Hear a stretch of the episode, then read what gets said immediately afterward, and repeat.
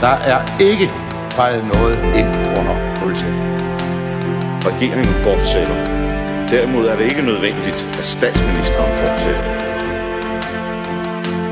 Der er ikke noget at komme efter. Per Helle, pas rigtig godt på dem. De er kun til lås. Fordi sådan er det jo. Ja, jeg kan bare sige, at der kommer en god løsning i morgen. Velkommen til Ministertid, programmet, hvor en forhenværende minister interviewer en anden forhenværende minister. Mit navn er Simon Emil Amitsbøl Bille. Jeg er tidligere økonomi- og indrigsminister, men det skal ikke handle om mig. Det skal derimod handle om dig, Henrik Dam Christensen. Velkommen. Mange tak. Henrik, hvor træt var du egentlig af salmonella i 90'erne? Meget, meget træt.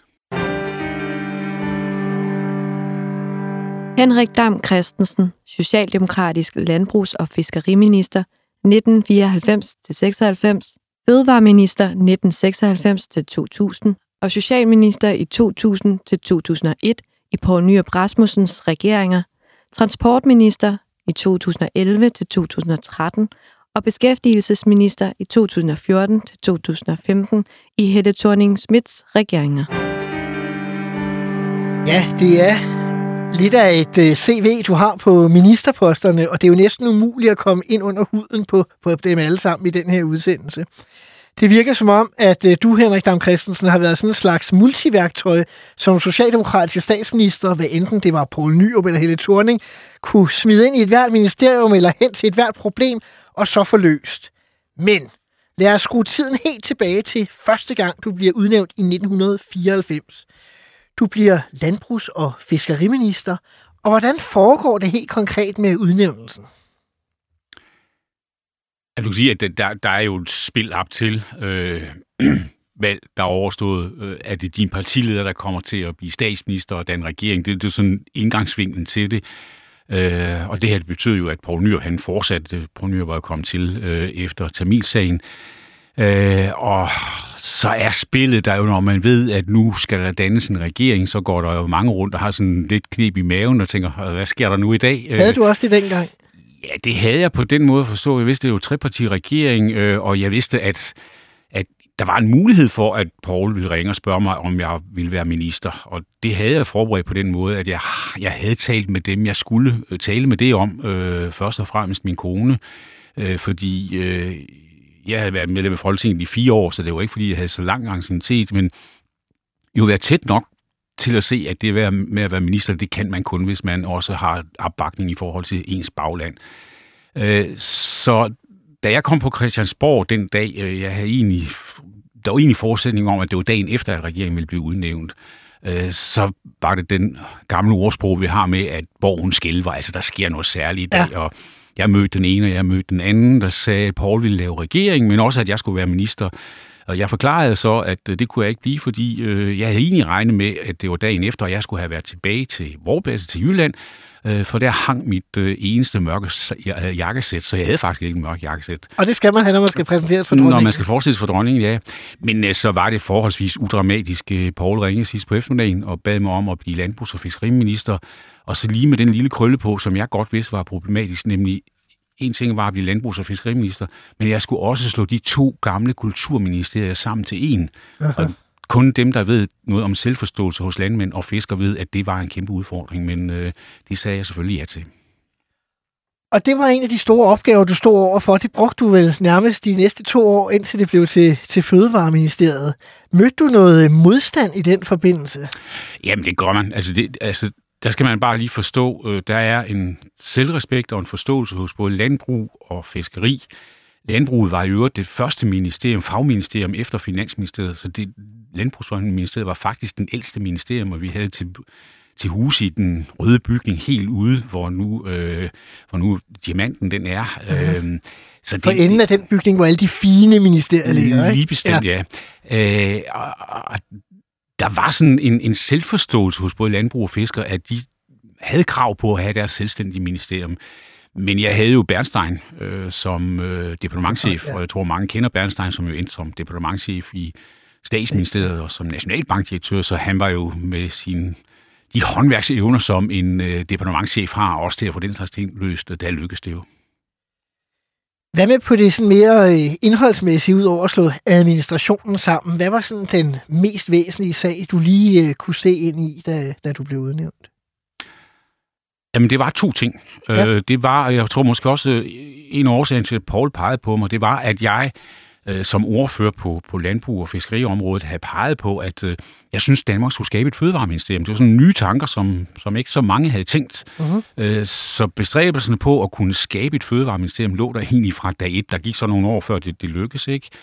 Det andet, som jeg meget gerne ville sætte fokus på, øh, det var hele økologiområdet. Øh, jeg havde været dybt optaget af det før, og, og nu er vi tilbage i en tid, hvor økologi øh, jo ikke var noget, man købte i almindelige øh, dagligvareforretninger. Det var specialforretninger. Og det blev betragtet som lidt flippet. Det var flippet, og det fyldte ikke noget, men, men jeg havde sådan en fornemmelse af, at her var der en dagsorden, som jeg personligt synes var vigtig, men som jeg også troede på ville blive vigtig for Danmark, og det viser sig jo heldigvis at blive sådan. Hvad tog du så for initiativer? Jamen, jeg gjorde det, som man altid gør øh, som minister, og så mange gange bliver betragtet som en slags syltekrukke, det er, at jeg lavede en økologisk handlingsplan. Øh, og du kan sige, at der var to step i det her. Den, den første step var, at vi skulle have flere landmænd til at lægge om. Og du har det problem, at øh, det tager to år fra, at du har været konventionel landmand, til du bliver økologisk landmand. Der går dit udbytte ned, så det er simpelthen, det koster penge ja. at, at lægge om. Ikke? De skulle vi have nogle landmænd til at gøre. Det var første step fordi du skal have en vis volumen i produktionen, før du kommer til den næste vigtige step, nemlig at det kommer ud der, hvor forbrugerne er, altså i de dagligvareforretninger, ja. som vi er i. Så første step var at få flere økologiske landmænd, anden step var at få øh, detailhandlen til at blive en del af det her. Så der også er mælk den fjerde uge, jeg gerne vil have økologisk mælk? Lige bestemt, ikke? Ja, ja. ja. Øhm, så går der, det tager der næsten to år at komme over til det der med navneskiftet med fødevarer, og er det i forbindelse med regeringsomdannelse igen? Det er i hvert fald i 1996. Ja.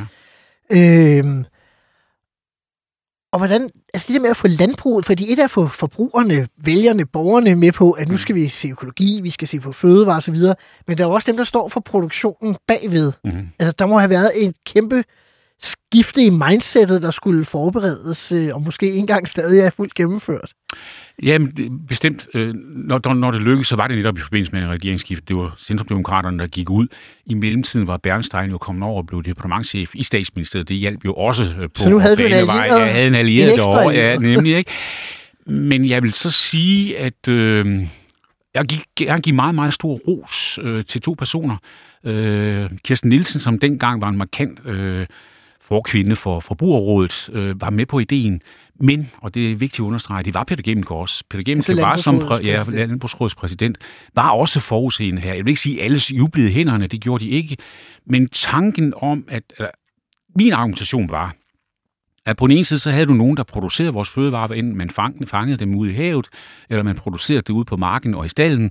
Og så havde du øh, dem, der skulle sælge vores fødevarer, og så havde du forbrugerne i midten. Mm-hmm. Og der var en eller anden sådan ja, krig, det er for voldsomt et ord, men, men der var ikke noget samhørighed imellem de der led, der er her. Og der troede jeg på, at hvis vi skulle løse nogle af de udfordringer, som jeg kunne se ind i, hvad enten vi talte dyrevelfærd, eller vi talte salmonella, eller vi talte økologi og alle de andre ting, så skulle vi have en bedre sammenhæng. Og vi skulle også have noget af kontrollen med. Og derfor det Dan Fødevareministeriet var jo sådan set også en relativt stor operation med også at få kontroldelen med, så vi fik jo øh, enheder med fra en række øh, ministerier, så vi fik den der sammenhæng imellem dem, der producerer og fanger vores fødevarer, til vi som forbrugere, og dermed også rådgivning om ernæring og alt muligt andet. Så der, der, var, der, der, der, der, der blev skabt en sammenhæng. Øh, og jeg er jo stadigvæk sådan lidt, øh, lidt glad, når jeg oplever, at der stadigvæk kommer lande til Danmark for at se, hvordan har vi rent faktisk organiseret det her. Og det er jo ikke sådan, at nu var alle diskussioner forsvundet, men nu kunne vi bedre adressere dem. Uh-huh. Altså i virkeligheden fra et produktionsministerium til et fra jord til bord ministerium, eller, eller noget i den stil. Lige bestemt. Hvad, altså hvis vi lige laver en krølle på økologidiskussionen, øh, et er jo, hvordan det var med landbruget og forbrugerne mm. osv. Hvad med på Christiansborg i Folketinget? Lå det hele bare på den flade, eller hvordan var øh, diskussionerne i 90'erne på det? Altså, vi var ikke helt kommet derhen endnu. Ø- økologien var der, det var noget niche, og nogen synes, det sådan var lidt halalflipperi, og, og andre kunne godt se, at her var der noget, men, men du skal bare huske, at vi var jo stadigvæk øh, midt i en kæmpestor øh, miljødiskussion. Ikke? Altså, mm. vi havde de øh, og det ligger så længere tilbage, men, men med fjordene, der døde, og vi havde et fokus på kvælstofudledning ja. og alt, alt det der, mm. ikke? Så, så at der var nogle miljøting, der skulle håndteres, når det galt landbrugsproduktion, det var alle klar over, landbrug selv i øvrigt også. Og der var der ingen, der var i tvivl om, at økologien var øh, ikke hele forklaring på det her, men det kunne være noget af, af vejen til at løse noget af det her, blandt andet i forhold til gift, øh, plantegiftstoffer og, og så videre, også en bedre udnyttelse af kvælstof og sådan nogle ting. Hvor meget øh, samarbejde havde du så egentlig med Svend Augen, der var miljøminister hele perioden og energiminister en stor del af perioden, men som vel havde stået på, I har stået på hver jeres side, da Socialdemokratiet mm. var splittet om formandsvalget mellem Augen og Nyrup i 92. Hvordan øh, fungerede det egentlig?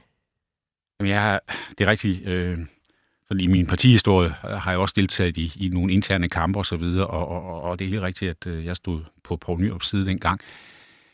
Men jeg vil bare sige, at Poul, altså, Svend og jeg havde øh, undervejs et, øh, et, et meget fint forhold øh, på, på, på alle måder. Men at stå og påstå, at øh, der ikke er kamp imellem landbrugsminister og øh, miljøminister, det er der selvfølgelig. Mm-hmm. Øh, men jeg tror jeg tror kan du faktisk, komme i tanker om et, øh, et eksempel? Der er masser af eksempler. Altså, hvor hurtigt skulle vi gå frem i forhold til øh, øh, udnyttelse af kvælstofprocenter, ikke? Altså, der vil Miljøministeriet gå så langt, at øh, det formodentlig er fare for, at det kan kvæle erhvervet, og der synes jeg, at jeg havde en rolle med at sige, ja, jeg er enig i målet, men, men lad os nu finde hen på en, en mere afbalanceret måde. Ja. Jeg tror, jeg kan godt sige, og det tror jeg også, at Svend ville have sagt, hvis han kunne stå her, at, øh, at øh, han var ikke i tvivl om, at jeg sådan set øh, alt andet lige var enige i målene, men at vi havde forskellige øh, temperamenter til, hvordan vi kunne nå hen til de der mål. Ikke? Øh, så der var mange gange, der var gnister, øh, og der var også mange gange, hvor vi skulle have møder og forhandlinger med andre partier, øh, hvor den sværeste forhandling, det var den Svend og jeg, jeg havde ude bagved, men, men, men øh, øh, vi var venner øh, til den dag, han døde. Ja, hvad med de mindre regeringspartier? Det var primært de radikale i begyndelsen, også CD og Kristi Folkeparti. Havde du besværligheder med dem, eller øh, nej, de så udenom? Ja, de blandede sig stort set udenom, og de, de radikale var jo allierede. Altså på, på dem, for, også fordi dengang, og det kan man jo ikke helt forstå i dag, men dengang havde man jo flere forskellige landbrugsorganisationer. Man havde jo en for de store landbrug, godsejere og så videre, så havde man en for de mange store, store land, landbrug, og så havde man husmandsforeninger, som faktisk spillede en rolle, som havde tætte kontakter øh, til de radikale. Ja. Og det var ikke mindst husmænd, som, godt. ja, men det var ikke mindst husmænd, som lagde om. Så, så, så, så de radikale var, var fuldstændig med på den her, og CD brugte ikke meget energi på det. Så så på den måde havde jeg forholdsvis øh, frit spilrum. Øh, der, hvor jeg havde det største problem internt i regeringen, det var selvfølgelig hele tiden at få overbevist øh, Lykketoft som finansminister om, at øh, hvis vi skulle nå de her mål, så skal der også investeres noget i det. Og den kamp, den har man uanset, hvorfor en ressortminister man er. Det er klart. Finansministeren skal sidde tungt på kassen.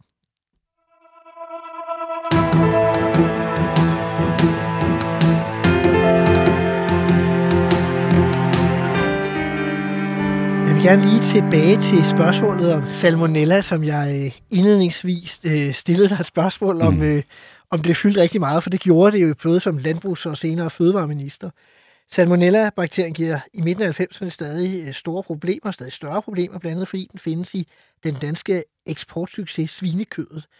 Og det kan være meget alvorligt at blive ramt af salmonella for dem, der ikke måtte vide det i værste fald både invaliderende og sågar medfører dødsfald. I, så vidt jeg har læst mig til, i 95 lancerer du den første danske øh, salmonella-handlingsplan. Kan du fortælle lidt om de nyskabelser, øh, som den indeholdt?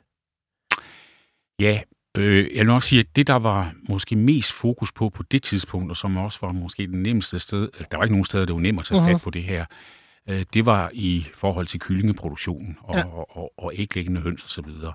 Øh, man skal huske, øh, eller det kan man ikke huske, men, men jeg kan selvfølgelig huske, at du jo meget jævnligt havde store historier om, at øh, folk var døde af salmonella. Mm-hmm. Øh, salmonella-udbrud og salmonella kan være ganske voldsomt for alle mennesker, men hvis du er lidt svag i forvejen, så er det en ganske alvorlig sygdom mm-hmm. at mhm. få. Der var historier om nogen, der havde lavet en kiksekage. Ja, med meget berømt. Ja, ja, altså, medierne var fyldt af den slags ting. Samtidig med, så har vi jo det, som er så kendetegnende ved Danmark. Vi har nogle, øh, vi har nogle styrelser, og vi har nogle forskningsinstitutioner, øh, som har stor viden på de her områder. Mm-hmm. Øh, og Knud Børge, som var leder af en af de institutioner, som var helt afgørende her, øh, tror jeg allerede på det første møde, jeg havde med ham øh, som minister, hvor han sagde, der er noget her, vi skal have gjort noget ved det, og, og jeg bad dem om at, at, at forberede, hvordan, hvordan kunne vi gøre noget ved det her, fordi salmonella er jo ikke noget, man bare kan forbyde. Vi kan jo ikke vedtage en lov, der forbyder salmonella. Så du skal, du skal jo ind og have fat i kernen af problemet. Uh-huh. Og det handler faktisk om, at du skal helt tilbage til avlsmaterialet. Hvad er det for nogle dyr, du får? Og så er der en række foranstaltninger om, hvor tæt skal det være, og hvordan gør man ren, og alt muligt andet. Mhm. Og, og derfor kan man sige, at der var to kampe her. Den ene var øh, forbrugerne og journalisternes krav på, at det skulle vi nærmest forbyde fra den ene dag til den anden. Du skulle Og bare løse problemet. Jeg skulle bare løse problemet, ikke? Jeg husker mange øh, tv-debatter og tv-aviser osv. Og, og så var der den anden, det lange sejtræk. Øh, der besluttede jeg mig for fra starten af at sige, jamen prøv at, jeg vil ikke forgøjle nogen, at vi kan gøre det her øh, meget hurtigt. Vi havde nogle svenske erfaringer fra Sverige, at have fuldstændig reduceret salmonella, øh, og det har faktisk, så vidt jeg husker, taget 10 år eller sådan noget. Ja. Altså, det behøver det ikke at gøre, fordi vi har en anden og anderledes viden nu her. Men jeg er nødt til både at have erhvervet med mig, og jeg er nødt til at have forskningsresultaterne med mig. Så jeg kom til at stå øh, mange gange i de debatter som en, der ikke ville handle nok i realiteten. Uh-huh. Som, øh, som, som ligesom lagde det for meget over til, at vi skulle have ny viden, og vi skulle have Ja. den nye viden osv. Men jeg vidste bare med mig selv, for jeg har brugt ret meget energi på at sætte mig ind i det her spørgsmål, Ja. at det var den ordentlige, langdrejede øh, forklaring på det her. Og jeg kan jo stadigvæk huske en del år senere, hvor jeg kunne holde et stort pressemøde og sige, nu er salmonella stort set udryddet i Danmark, Mhm. øh, og det næste problem, vi skal have taget fat på, det er liciteria. Men Ja, fordi der er bare der- sådan noget ja, ja, ja. Men, men det var en lang, sej øh, indsats, der alt andet lige var båret på faglige anbefalinger. Men nu havde du den tålmodighed til at, at vente, siger du så, i forhold til det faglige. Hvad med presset, jeg lige vil sige, både Ja. oppefra og nedefra øh, i partiet eller regeringen? Det må jo have været, øh, have været voldsomt i perioder. Jo, det var det også. Jeg husker mere end en møde i både den socialdemokratiske gruppeværelse og også på interne møder med, med minister, som havde flere stjerner som jeg, som synes, kunne det ikke gå lidt hurtigere det her. Men, men, men jeg besluttede mig for, at, øh, at øh, jeg vil ikke øh, falde i med at sige, at jeg har en nem løsning på det her. Nej. For jeg ved, at alle, der bare havde en smule faglig indsigt i det, vil sige, nu, nu er ministeren utroværdig, ikke? Øh, og, og så må det lidt briste og bære. Det var faktisk også nogle gange undervejs, hvor det både kunne briste og bære. Øh, men det, det, her- det besluttede jeg mig for. Men du kan sige, at når det der pres var der, det kan jeg jo godt se i bagklogskabens lys, at det var godt nok, for det satte jo også pres på hele systemet, og det satte pres på producenterne øh, derude. Så, så presset var sådan set fint nok, der var der, for ellers havde det taget for lang tid. Det er jeg ikke et øjeblik i tvivl om. Men når man skal vende sådan en udvikling over en længere periode, så kræver det jo også en vis opbakning fra, øh, fra statsministeren og, og ens partiledelse i det hele taget, ikke? Ja, ja, men det, det var der jo også, øh, Ja. men, men der var der nogle gange, hvor de synes, hvis det her problem kunne gå væk, så var det rart nok, fordi øh, der er nok kun mig tilbage, der kan huske det, men, men det fyldte altså ret meget. Der var en sjælden uge, hvor jeg ikke var i tv-avisen og skulle fortælle et eller andet og forklare et eller andet om sal- salmonella igennem nok halvanden år, tror jeg. Og det kan jeg bevidne, for jeg har været tilbage og læst rigtig mange gamle aviser, inden, inden du kom ind i studiet. Så det, det fyldte virkelig, øh, fyldte virkelig meget. Det er måske svært at forestille for folk i dag, Ja. øh, øh, øh, men det gjorde det. Øh,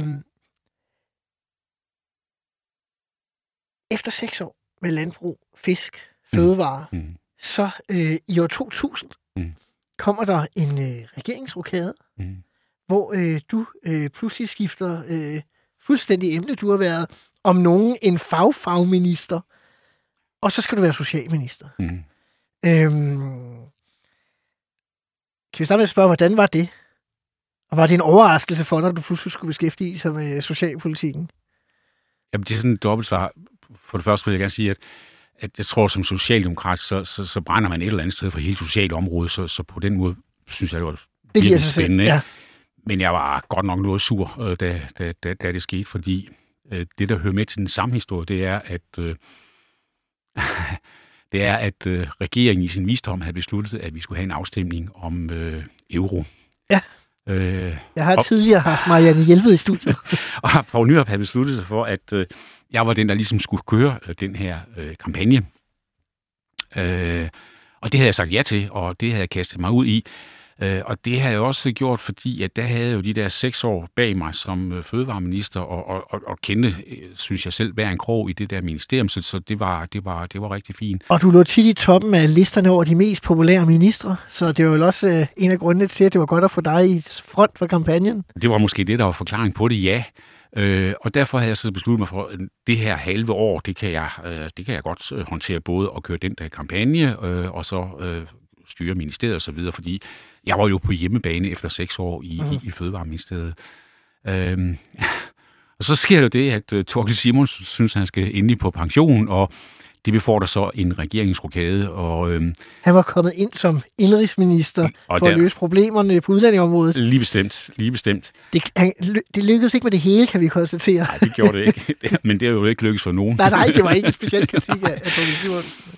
Og, og der, der kom jeg så til en samtale ved Paul, og han synes, at jeg skal være socialminister.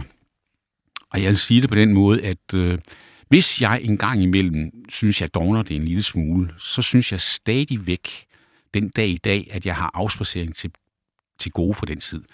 Fordi for Eurokampagnen eller for Socialministeriet? En kombination af begge dele. Og overtage så stort et ministerium, fordi du skal huske på, dengang var Socialministeriet, der havde den jo også ansvar for alle udbetalinger og, og, og ja. hele, området. Det var jo et kæmpe, kæmpe stort ministerium. Og kampagnen var jo var jo tilrettelagt. Uh-huh. Så jeg sad jo i realiteten på bagsædet af bilen imellem møder, og ligesom skulle overtage og komme ind i det her ministerium. Ja. Så jeg, jeg, mener, jeg mener stadigvæk, at hvis der er en dag, hvor jeg ikke helt synes, jeg har nået det, jeg skulle til, at jeg har stadigvæk afspacering tilbage fra det halve år. Der. Så på de spørgsmål, øh, fordi det var så specielt, så var det øh, kæmpestort for mig at komme øh, ind i, i Socialministeriet. Øh, og det gjorde også, at øh, jeg kom til at fejle lidt fra starten af, fordi... Øh, der er en sekvens over på vandrehallen, hvor der står noget om, at hvis man ikke kan fuglenes sprog, så har man et problem. Den onde maler Rasmus Larsen har bestemt, ja.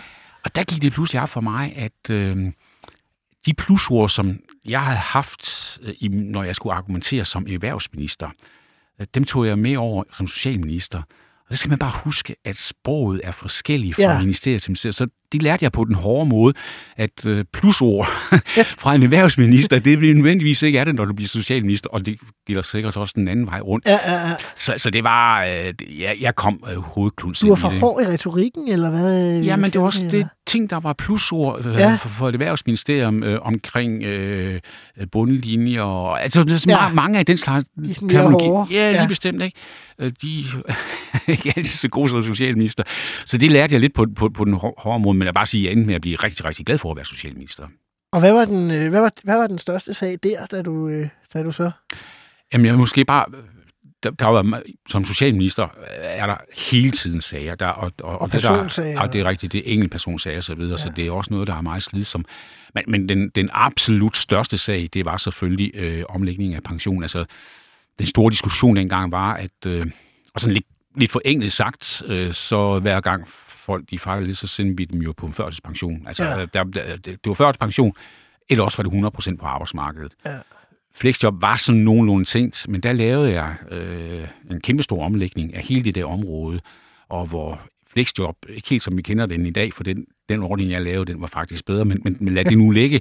Øh, når jeg ser tallene for, hvor mange der nu er, har fået flexjob, og hvor mange der nu er, så tænker jeg stadigvæk tilbage til den reform, fordi øh, jeg er så lykkelig ved, at der var så mange mennesker, som ikke bare blev sagt væk fra dig, fra arbejdsmarkedet, men nu vil vi gerne være med til at prøve at udnytte de evner, øh, som du nu måtte have tilbage. Vi er med på, du kan ikke være med på fuld knald, men nu finder vi ud af sammen med dig, hvor mange timer kan du så være her.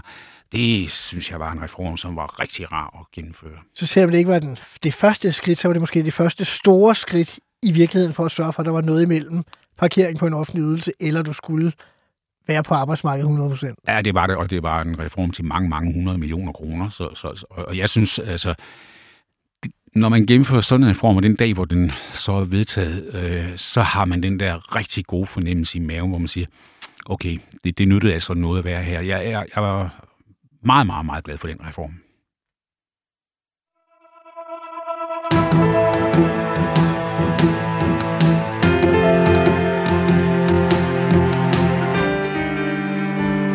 Nu er vi nået til det tidspunkt i programmet, hvor vi har en blog, der hedder fem faste spørgsmål, som jeg stiller til alle de ministre, øh, eller tidligere ministre, øh, der kommer øh, forbi her. Og øh, jeg prøver at stille dem sådan lidt kort, og så må vi se, om, om du kan svare kort. Det kan også være, at vi dykker ned i, i enkelte af dem. Øh, og det første, det er et meget stort spørgsmål, øh, når man tænker på alle de ministerposter, du har haft. Men hvad ville du gerne have haft udrettet i din ministertid, som du ikke nåede? Jamen, der er jo på alle ministerområder øh, øh, ting, du gerne vil gøre. Fordi det, det jeg synes, der er det mest øh, fortvivlede, når det er, du går fra overtagelsen til, eller du har overgivet ministeriet til en anden minister, så er der to ting hver eneste gang. Den ene er, øv, jeg blev stoppet lige midt i det her, som jeg Aha. næsten havde fået triplet i mål. Og det andet er, så kigger man på sin kalender og siger, ej, okay, det ser lækker ud det her. Der er jo ikke nogen aftale overhovedet. Nu har jeg fået mit liv igen. Ikke? Så, så jeg, hver gang, der har jeg haft uh, de der følelser. Men, men, men, men, men der er da helt sikkert hver eneste gang noget, som jeg gerne vil have gjort færdig. Øh, og jeg, øh, blandt andet, vi talte fleksreformen lige før, den vil jeg gerne øh, have haft mulighed for at implementere endnu mere. Øh, jeg synes ikke, Claus Hjort helt behandlede reformen, som den skulle, men, men, men fair nok. Hvad var det værste øjeblik i din ministertid?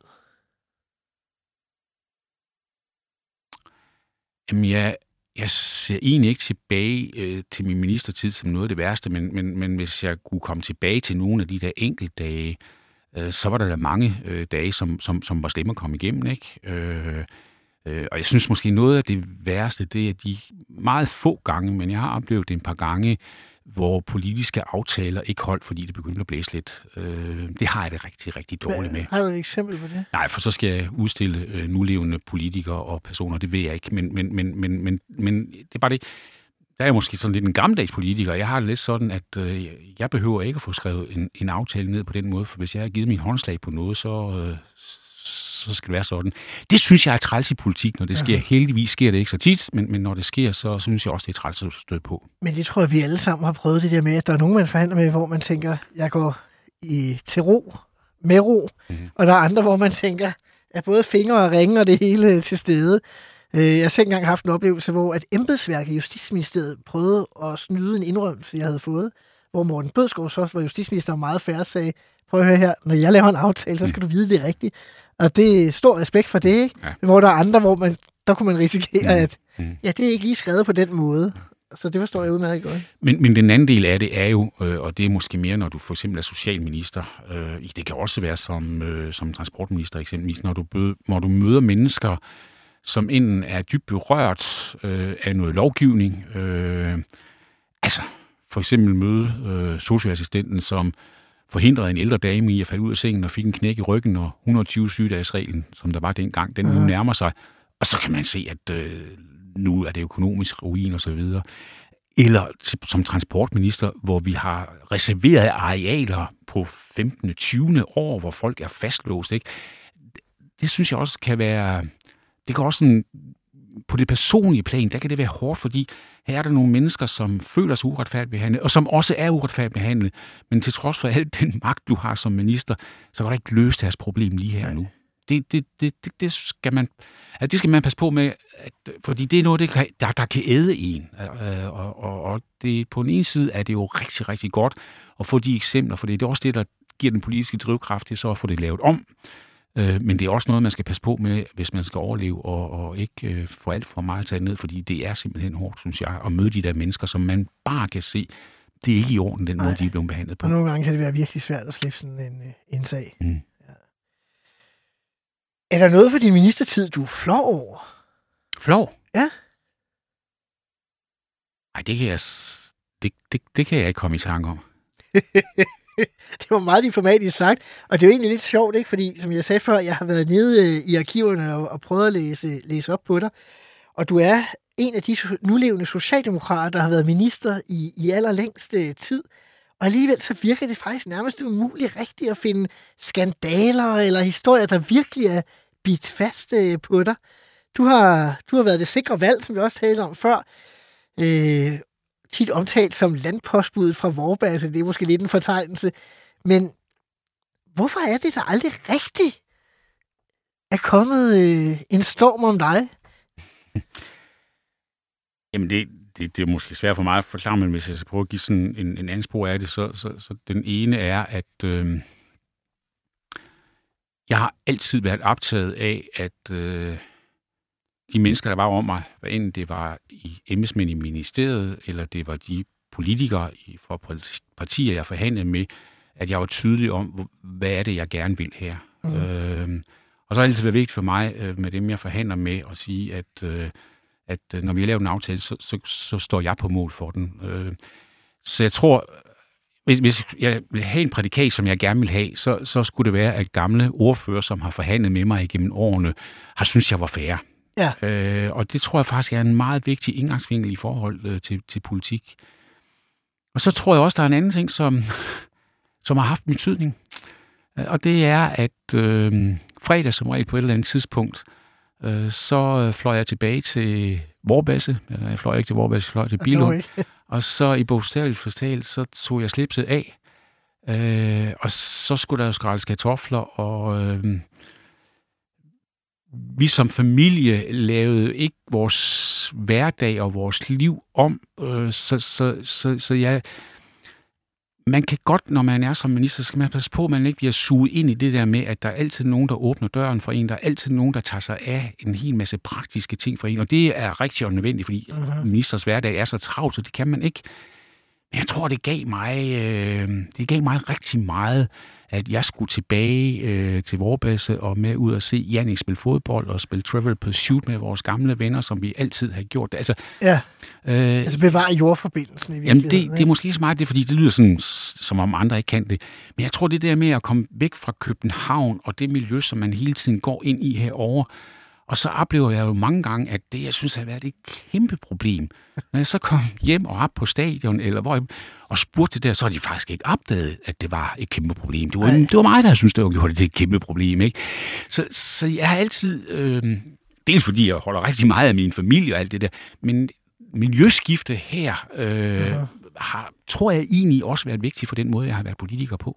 det er måske også en fordel for dig, at i hvert fald i den første omgang, der fandtes der ikke smartphones og TV2 News og den slags, så man ikke skulle være på så meget som, øh, som i Det dag. fuldstændig rigtigt. Altså, jeg, jeg kokerer jo samtidig med, at jeg, øh, jeg synes ikke, jeg er fuldstændig ålsag, men jeg lever faktisk i en tid, hvor der var noget, der havde deadline. Altså rent faktisk var Ja, det sådan. aviser og tv. Og, Ja, altså når klokken, klokken blev 19 om aftenen, så var det mest vilde, der kunne ske, det var, at radiovisen sagde, skal vi den der optagelse til morgenradiovisen klokken 6, skal vi tage den her i aften. Så skete der ikke noget, før øh, politikere, eller øh, journalisterne var færdige med deres redaktionsmøde næste morgen, og så gik det jo selvfølgelig i gang. Altså, det er jo ikke nogen, der kan forestille sig i dag, og det er også en af de ting, som i øvrigt giver os, øh, hvis jeg sådan skal til formandskatten, kasketten på som folketingsformand, så giver øh, en række af de udfordringer, vi har i dag, det er hastigheden og tempoet, og det med hele tiden at skal være på. ja. Det er det. Og det er, og det er kortere tid siden, man tror, Det er det nemlig. at det var anderledes. Så jeg blev valgt i fem, og der var det stadigvæk nærmest sådan, som du beskriver der. Ikke? Nå, øh, hvad var den største revkage, du har lavet som minister? Øhm, øh, jeg tror faktisk, øh, det var en gang, og jeg havde et meget, meget godt samarbejde med Line Espersen.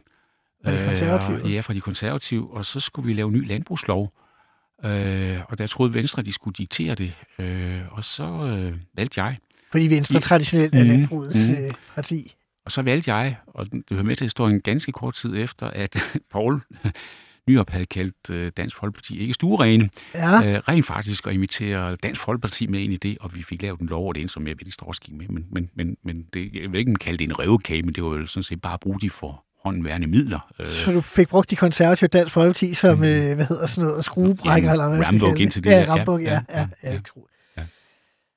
Og til sidst, den er lidt sværere, ikke? Hvem var din værste kollega?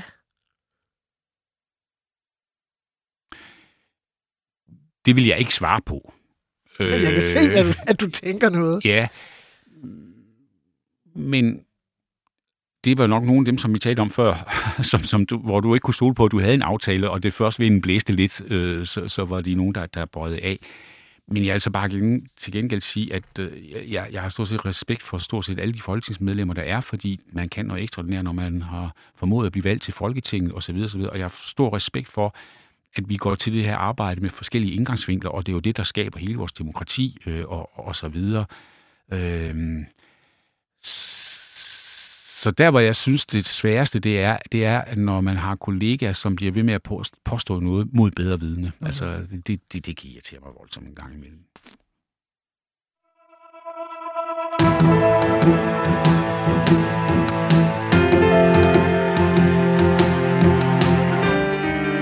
november 2001 2001 taber Poul Nyrup Rasmussen, Socialdemokraten, statsministerposten, og derfor holder du, Henrik Dam Christensen, også op med at være minister efter en, øh, en lang periode på, på syv år. Øhm, der går hele 10 år, før Socialdemokratiet vender tilbage til regeringskontorerne i 2011, da Helle thorning Schmidt bliver den første kvindelige statsminister i Danmark. Og der er du som en af meget få, vel den eneste socialdemokrat, tilbage øh, på ministerholdet igen. Mm. Øh, denne gang som øh, transportminister. Øh, vidste du, du skulle være minister i, i den runde? Du var jo tæt på kredsen omkring Torning. Ja, det bliver sige på den måde, jeg, jeg er jo en del af ledelsen, øh, og, og, og, og sad jo meget tæt øh, på, på ledelsen, og til, altså, som ja. jeg nu gør, ikke? Så, så det ville da nok, altså du kan sige, da jeg første gang blev udnævnt, var det måske en overraskelse. Hvis jeg ikke var blevet minister, så havde det nok været for mig en større overraskelse. Mm, så, så, men det ved man jo aldrig 100 procent. Der kan Ej. være mange kort, der skal falde på plads. Så, så jeg blev ikke så overrasket, da jeg talte med Helle øh, som, som første gang. Og vidste du, det var transport? Øh... Nej, men det kunne jeg godt have en fornemmelse af, at, øh, at det skulle være.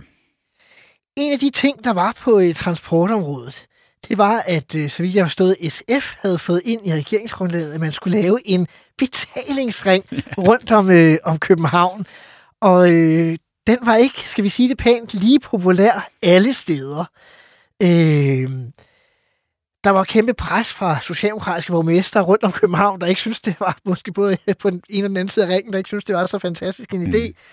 Og øh, det var en af de få sager i begyndelsen af Tory-regeringen, som oppositionen synes var dejlig, fordi det var nærmest det eneste rigtig bløde punkt, der lige var i, i begyndelsen. Hvordan var det at sidde der øh, som transportminister i Sachsen? Jeg kan huske, da, da valget var udskrevet, og vi var gået i gang med det her, og vi ligesom havde ordnet de der i ledelsen, de der store ting og så videre, og så skulle jeg til Horsens og føre valgkamp, og så havde jeg nogle vagter nogle dage, ikke? Øh, som, som, som ledelsesvagt, hvor jeg måtte tage til København og, ja. og tage pressevagt og så videre. Men jeg kan bare huske en samtale med, med SAS, Henrik SAS, hvor jeg sagde ud over... Der var også den socialdemokratiske ledelse. Ja, bestemt øh, undervejs ud af døren, hvor jeg sagde, okay, nu tager jeg til Horsens, og der kommer vi ikke til at snakke betalingsring. Vi er fuldstændig ligeglade. Nu tager du dig af det her over, og det glemmer jeg alt om. Jeg gider ikke at høre mere om det. og det første, han gjorde, da jeg så blev udlevet som transportminister, det var, at han sagde ha, ha, ha, ha, fordi nu vidste han jo godt, hvor den var henne. Nu kunne vi begynde at tale om det igen. Men, men, men du kan sige, jeg har haft to gange, øh, hvor jeg har haft sager, som et eller andet sted var fornuftige og klog nok, men hvor, hvor det ikke var moden. Altså, uh-huh. da vi i sin tid ville have indført øh, euroen i Danmark, øh, bad vi danskerne om at tage stilling til noget, som de ikke rigtig vidste, hvad var. Uh-huh. Ikke? Og derfor var det, det var umuligt at overbevise danskerne omkring det. Det samme gør sig gældende med betalingsringen. Altså, en ting er, at man har igennem lang tid har diskuteret, skal vi gøre noget ved den trafik og de miljøpåvirkninger, det har i vores store by og så videre. Når du så bliver konkret, og så ikke fra starten af ret præcis kan sige, så kommer det øver til at fungere sådan og sådan Aha. og sådan, hvor du i realiteten det gamle, meget velkendte ordsprog med, at du skal asfaltere samtidig med, at du diskuterer det her. Ikke? Fordi ja da vi sagde betalingsring, var der, så spurgte de, hvordan skal det, hvordan skal det organiseres? Hvordan kommer vi til at skal betale det? Hvorfra og hvor til? Øh, og så videre, så videre. Og der var ikke nogen svar på det. Nej. Øh, og det var jo nærmest sådan, folk de var sådan lidt, mit supermarked ligger i en anden ja. kommune, skal jeg så betale for at handle? Og... Men jeg er så bare til, til, til, til ros i forhold til embedsmændsværket. Det lykkedes dem jo rent faktisk i løbet af forholdsvis få måneder at få skabt en troværdig plan for, hvordan sådan en betalingsring så kunne være. Altså helt ned til, hvor kommer, øh, hvor kommer de til at gå fra til? De, de skiftede jo på den ene hjørne til den anden hjørne og så videre, så alle kunne jo se, når man så det her, det, det, det var lidt håbløst. Og det ender jo også med på et tidspunkt, at øh, planen bliver øh, opgivet igen. Mm. Hvor meget var du involveret, eller var det øh, på det aller, bare kun på det allerhøjeste niveau i, Jamen, jeg var selvfølgelig med undervejs hele vejen i det her, men, men, men altså beslutningen om at, at, at droppe det, drøftede jeg også med Helle, men, men du vil sige, øh, øh, i sidste instans var det vel en samtale mellem Ville Søvndal og Helle på det tidspunkt, for det var jo SF's øh, hjertebarn, det her. Og uh-huh. der var jo også sådan, at, at betalingsringen ville jo også have givet penge, øh, som jo så skulle være brugt øh, til kollektiv trafik osv., så, videre, så, så, så, så det havde jo mange konsekvenser i sig, og så var det jo en af SF's mærkesager, uh-huh. øh, som, som de havde båret ind i regeringen. Og det pressede også uh, Helle Thorning som statsminister, blev ja. spurgt på pressemøde efter pressemøde ja. efter pressemøde hver uge, mm. øh, og det berømte citat, som også er i jinglen til det her program, mm. der kommer en god løsning i morgen. det gjorde der så, det kan man sige, eller det gjorde der ikke. Det blev i hvert fald... Øh... Og den gode løsning var, at vi droppede det, ikke? Ja, det er det. øh, hvordan påvirkede det forholdet til SF øh, for dig øh, derefter? Jamen, det, det er egentlig ikke så slemt, fordi det var Thor Møre, som øh, jo var skatteminister på det tidspunkt, Ja. ja. som ligesom den, og, og, og, og øh, jeg forsøgte bare hele tiden at være, være, være ret præcis med, hvad er det for nogle udfordringer, og hvad er det for nogle spørgsmål, der skal give svar på, både hensyn til betaling og, og, og alt muligt andet. Så, så lidt tilbage til de arbejdsmetoder, som vi talte om for en stykke tid siden, øh, være helt præcis på, at øh, en ting er at sige betalingsring, øh, noget andet er at udføre det i den virkelige verden. Så Mm. har du altså en hel masse helt kontante spørgsmål, der skal stilles, øh, altså give svar på.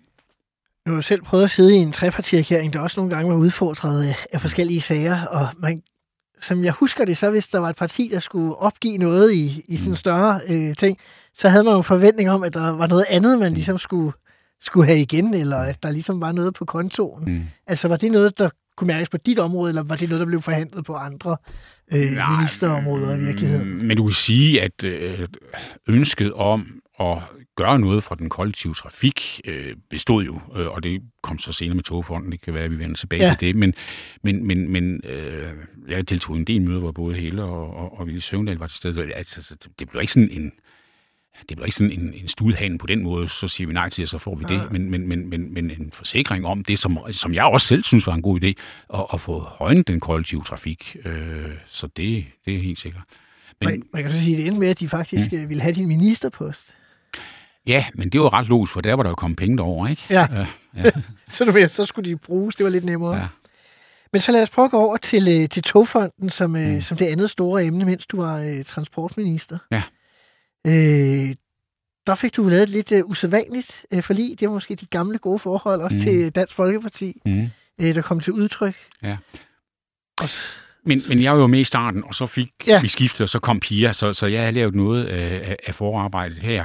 Øhm, og, og, det var mig, der også præsenterede det, og tog de første debatter om det, og, Mhm. mm-hmm. og, og så videre. Øh, og, og, øh, der, der er ingen tvivl om, at Togfonden også havde nogle problemer i sig, men, men, men den der tanke om, at vi skal have satset på, på den der kollektive trafik på den måde, at, og det er sådan en kæphest, som jeg stadigvæk har, det er, vi tænker for meget transport i kasser. Så er det en cykel, så er det en bil, øh, så er det et tog eller et bus osv.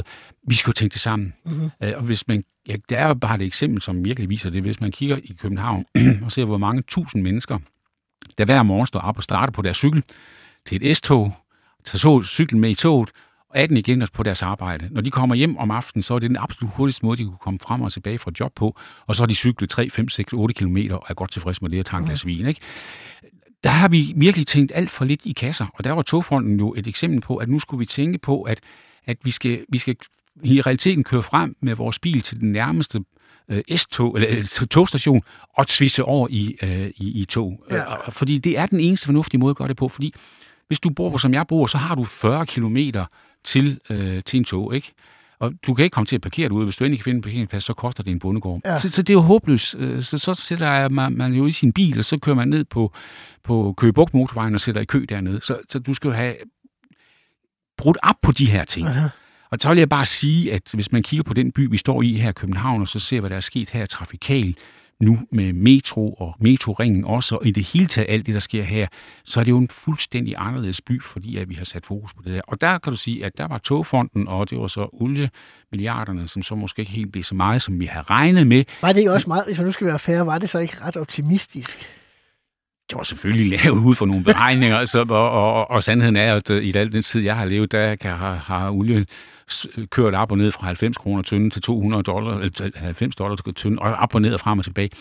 Så jo, det kan da godt jeg ske, kan var huske, at vi var nogen, der sad med, ja. med tallene fra alle de ja. Internationale institutioner, der de, de var i hvert fald mere pessimistiske end den danske regering. Men, men Simon Emil, nogle gange så kan sådan noget godt fremme politisk drøm og ønsker, og sådan, sådan er det jo ikke. Altså.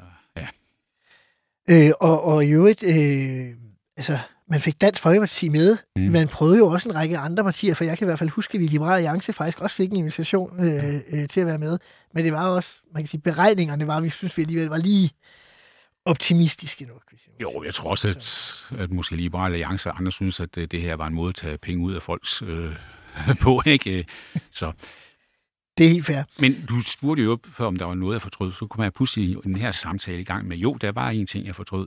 Og det var, at øh, jeg ikke efter ganske kort tid som transportminister fik jordet i C4. Fordi den har kun givet så mange problemer for alle Ja. transportminister. Nu er den heldigvis væk, og den skulle have været væk fra starten af. Ja, og der kunne jeg også godt se i researchen, at der var alligevel nogle indslag, hvor du skulle forholde dig. Ja. til det spørgsmål. Du stopper som transportminister i 2013, men året efter, i 14, bliver du hed ind igen for, skal vi sige, forløb i seneste gang, denne gang som beskæftigelsesminister. Jeg er helt være med at tænke, hvordan bevarer man egentlig entusiasmen for at overtage øh, nye ministerier efter øh, så mange gange? Jamen, jeg vil sige, øh, da jeg blev bedt om at være beskæftigelsesminister, det er den eneste gang, hvor jeg sådan har overvejet at sige, ah, er det nu en god idé? Øh, jeg er jo gruppeformand, og det er jeg usent. Jeg er jo rigtig glad for at være gruppeformand, øh, og det er en spændende post, specielt når du har regering og, og at være gruppeformand.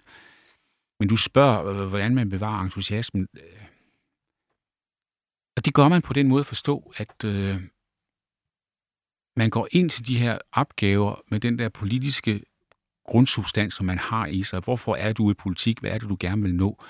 Og hvis du er politisk engageret og interesseret, så er der jo ikke nogen politiske områder, som ikke er spændende. Hvor der er ikke nogen politiske områder, hvor du også gerne vil, vil, vil, vil sætte noget retning øh, og, og så videre. Øh, og så er sandheden jo, at jeg synes, man altid skal gøre sig klar som minister, så skal du ikke være eksperten. Det har du masser af folk, der kan være i styrelser og departementer og alt muligt andet. Men der, hvor man føler sig rigtig godt tilpas som minister, det er, når man kommer ind i et rum til en reception, eller hvad det nu måtte være, hvor, hvor, hvor der er interesseorganisationer på det område, man er minister for, så kigger man rundt i rummet, og så siger man, jeg er den person i det her rum, som samlet set ved, ved mest om det her ressortområde. Uh-huh. Der er mange, der på enkelte områder ved meget, meget mere som jeg. Men det samlede billede, der er jeg, piller jeg i hvert fald mig helt selv ind, at jeg er den, der ved mest. Så hviler man i det at være minister. Men jeg vil også sige... Det var være lidt svært at nå den sidste minister. det, det, det kunne jeg ikke nå også. år, eller ja, men også fordi, at det vidste vi, var- jo valget var på vej, og de store reformer havde Mette øh, dygtigt gennemført øh, derovre. Og, så, så, så for mig blev det jo sådan mere øh, implementering, øh, Ja. ja. som jo i sig selv også kan være ganske, ganske alvorlig, og så kapotagekørsel som, og den type ting, som der altid er over i, øh, i øh, et beskæftigelsesministerium. Når man bliver udnævnt så mange gange øh, til minister, som du gør, så kan jeg ikke lade være at tænke på, at øh, man bliver præsenteret også for dronningen, jeg ved ikke hvor mange gange. Mhm. Kan hun lade være med at lade en bemærkning falde Dronningen er altid smilende og venlig. og siger, så, ses vi igen?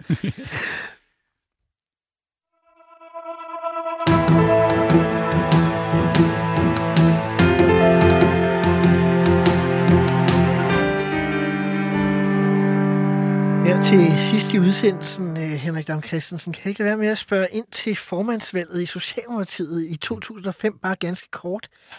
Det blev som bekendt vundet af den senere statsminister Helle thorning Schmidt og øh, over den øh, dengang og nuværende tidligere øh, justits- og forskningsminister Frank Jensen. Men det siges, at den oprindelige plan var, at du skulle have stillet op øh, imod Frank Jensen. Men nu du ændrer mig, men at modet svigtede dig, hvis man kan tillade sig at sige det. Var du bange for at blive statsminister? Øh, ja. Men altså, sandheden er, at der var et forløb op til det her. Øh, øh, og uden jeg skal trætte med det, så, så, var der stadigvæk spor af den formandskonflikt, som Socialdemokratiet har haft. Øh, vi var skilt. Øh, Augen 92. Nyrup Augen og, Ja. ja. og, og gamle venner blev uvenner, og det var en forfærdelig tid på alle måder. Øh, Og det, der i realiteten sker, det var, at øh, på den fløj, kan man sige, som, som jeg tilhørte, var det sådan ligesom et spørgsmål om, for mange, om det skulle være Jan Trøjborg eller jeg. Øh, og sandheden er, at Jan og jeg aldrig... Og Jan havde også været minister i en række ja, ja, nye regeringer. Ja, ja. ja. Han var min meget gode ven, og jeg Ja. havde desværre ikke mere. Men, Du er alt for tidligt, men øh, Jan og jeg fik aldrig gennemført den samtale, øh, som vi skulle. Øh, hvem af os, af os det så skulle være, ikke? Øh, og så var Jan den, der var hurtigst, der sagde nej. og så stod jeg tilbage. Du mener, øh, I begge to håbede, det skulle være den anden? Ja, Hvorfor det? Jamen, da jeg, da jeg skulle beslutte mig for det her, og sad ude i min lejlighed øh, øh, sent om aftenen, og, og virkelig skulle tænke det her igennem, og havde snakket med de mennesker, jeg skulle, og jeg i øvrigt havde fået fuld opbakning til det valg, jeg nu måtte tage, øh, også fra min allernærmeste, så måtte jeg jo stille mig selv øh, tre spørgsmål. Øh, det første spørgsmål, det er, øh, er det her godt for Socialdemokratiet? Det andet spørgsmål er, at øh, vil du evne at være statsminister?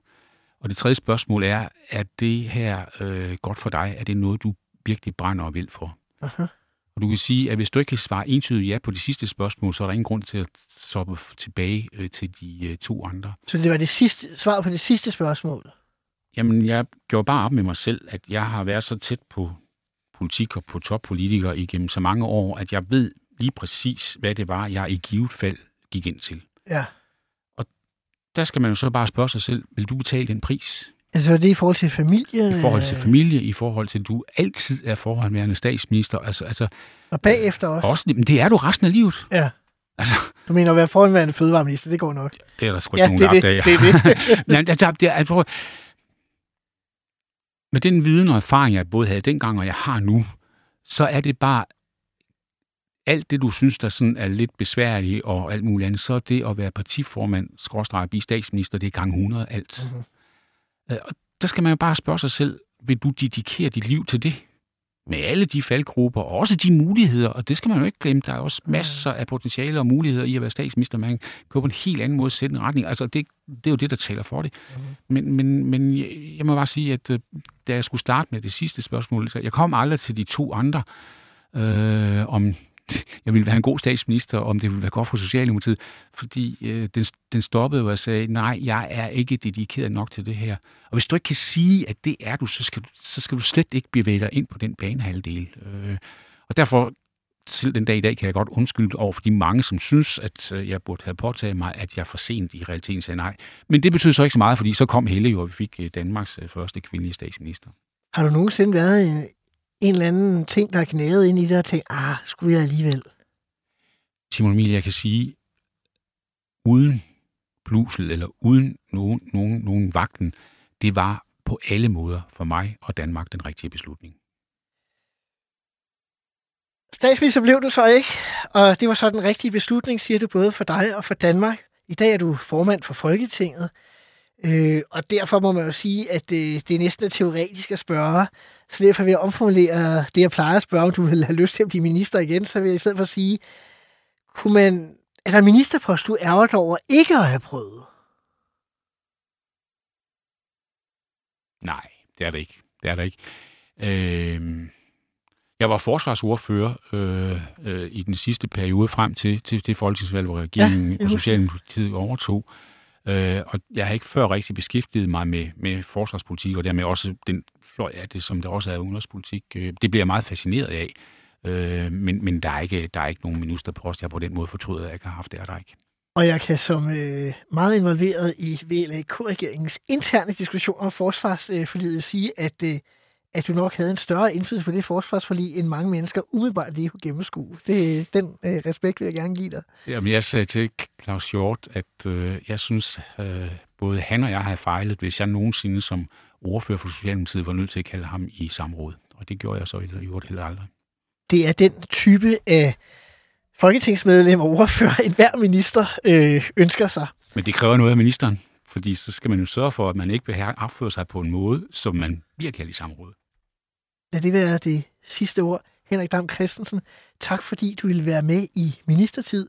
Til lytterne vil jeg sige, at øh, du har hørt øh, ministertid på 24-7, og vi er tilbage igen om en uge med en ny forhenværende minister. Mit navn er Simon Emil Amitsbøl Bille. Tak fordi du lyttede med.